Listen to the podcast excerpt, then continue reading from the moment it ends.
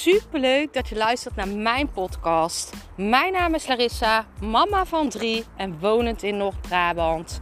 Toen ik in 2020 voor stadium baarmoederhalskanker kreeg, is het roer van mijn leven omgedraaid. Ik kwam in aanraking met de wet van aantrekking en sindsdien is alles veranderd. Ik begon mijn eigen baby- en kinderkledingmerk en nu wil ik duizenden mensen inspireren met mijn kennis.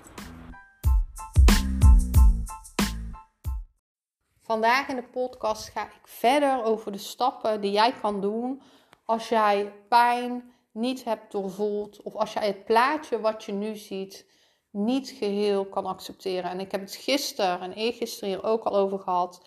En als je gisteren hebt geluisterd of als je hem niet hebt beluisterd, raad ik je aan om de podcast van gisteren nog even te luisteren. Want vandaag ga ik hier verder op in. En gisteren heb ik dus al gezegd hoe belangrijk het is als jij dat jij jouw plaatje accepteert hoe het nu is, ook al vind je dat niet leuk.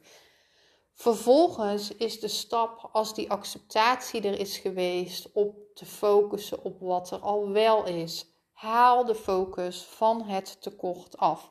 Als jij blijft focussen op het tekort, op wat je nu nog niet hebt, op wat je nu nog niet ziet, trek jij nog meer tekort aan. En dat willen we niet. Waar jij op focus groeit, wat jij bent, trek jij aan. Ben jij continu in tekort, dan trek jij tekort aan. En ik heb het nu bijvoorbeeld over het financieel stukje, maar je zou dit ook kunnen doortrekken op de liefde. En dan is het dus belangrijk om voor overvloed te kiezen. En wat zie ik in overvloed? Overvloedfrequenties zijn bijvoorbeeld liefde. Kies voor liefde.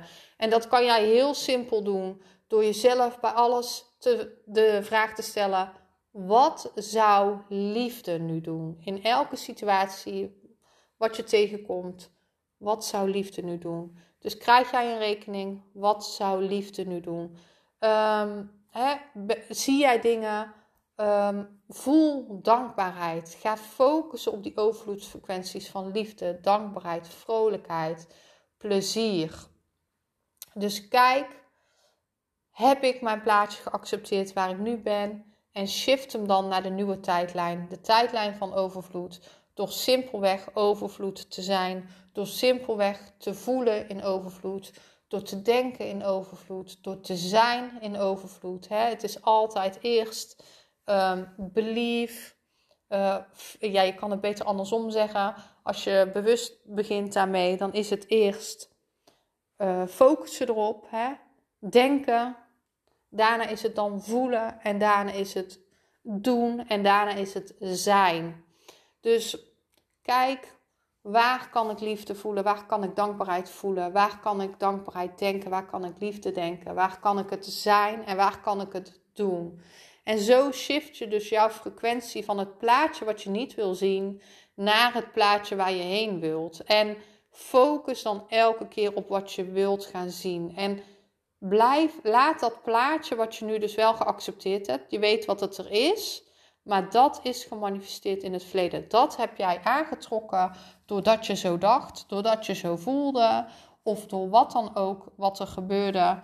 Dat is nu afgesloten, die tijdlijn is afgesloten. Jij kan nu groeien in die liefde, in die dankbaarheid naar dat nieuwe plaatje toe. En dat is dan de volgende stap. Shiften in frequentie naar overvloed. Lief.